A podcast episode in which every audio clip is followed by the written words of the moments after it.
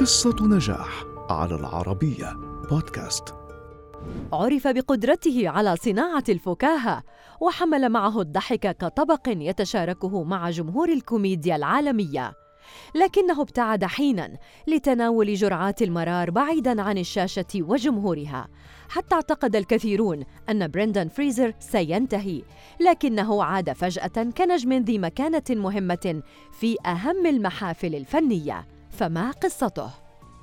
ولد بريندان جيمس فريزر عام 1968 بولاية إنديانا لكنه أمضى طفولته بتورنتو حيث عمل والده موظفاً بوزارة الخارجية الكندية درس بريندن بمدرسة داخلية هناك ثم أكمل تعليمه في كلية كندا العليا قبل أن يختار لنفسه طريق الفن وينتقل إلى واشنطن حيث التحق بكلية كورنيش للفنون قبل تخرجه حظي بريندن فريزر بأن يمثل على خشبة مسرح ويست إند في أول عرض مسرحي له كما حصل على دور صغير في فيلم الدراما Dogfight وخلال الفترة نفسها لعب فريزر دورا ثانويا في البرنامج التلفزيوني America's Most Wanted.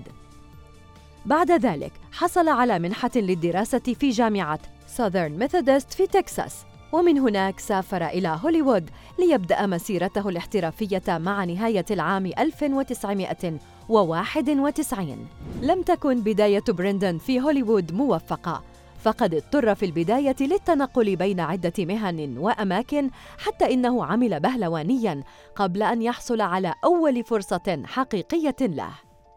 لكن هذه الفرصة لم تكن بوابة الأمان.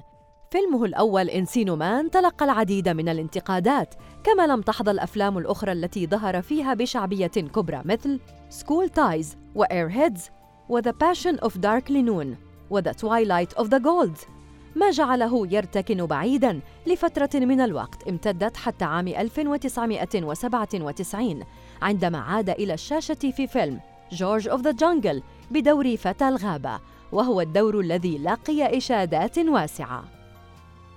قام بريندن بعدها بعدة أعمال أخرى مثل Gods and Monsters و Dudley Do Right و Blast from the Past لكنه ارتقى للنجومية بفضل أدائه المتميز في ثلاثية أفلام المغامرات The Mummy عام 1999 رغم أنه كاد يقتل أثناء قيامه بدور يشنق فيه.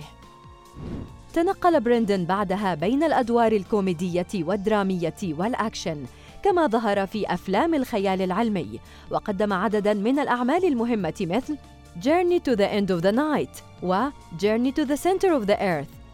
وظهر أيضاً بالعديد من البرامج التلفزيونية الناجحة مثل Doom Patrol و The Affair و Professionals و Texas Rising وغيرها الكثير.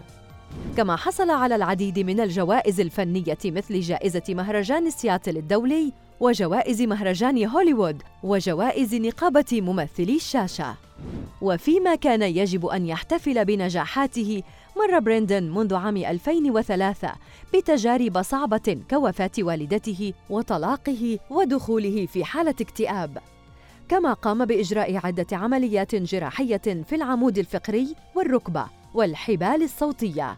فغاب عن أدوار البطولة لمدة 12 عاماً هذه المرة قبل أن يتصدر اسمه المشهد كنجم مرشح للأوسكار عن أدائه في فيلم ذا ويل الذي حاز عنه جائزة اختيار النقاد وجائزة نقابة ممثلي الشاشة الأمريكية ما اعتبر بمثابة إنعاش لمسيرته.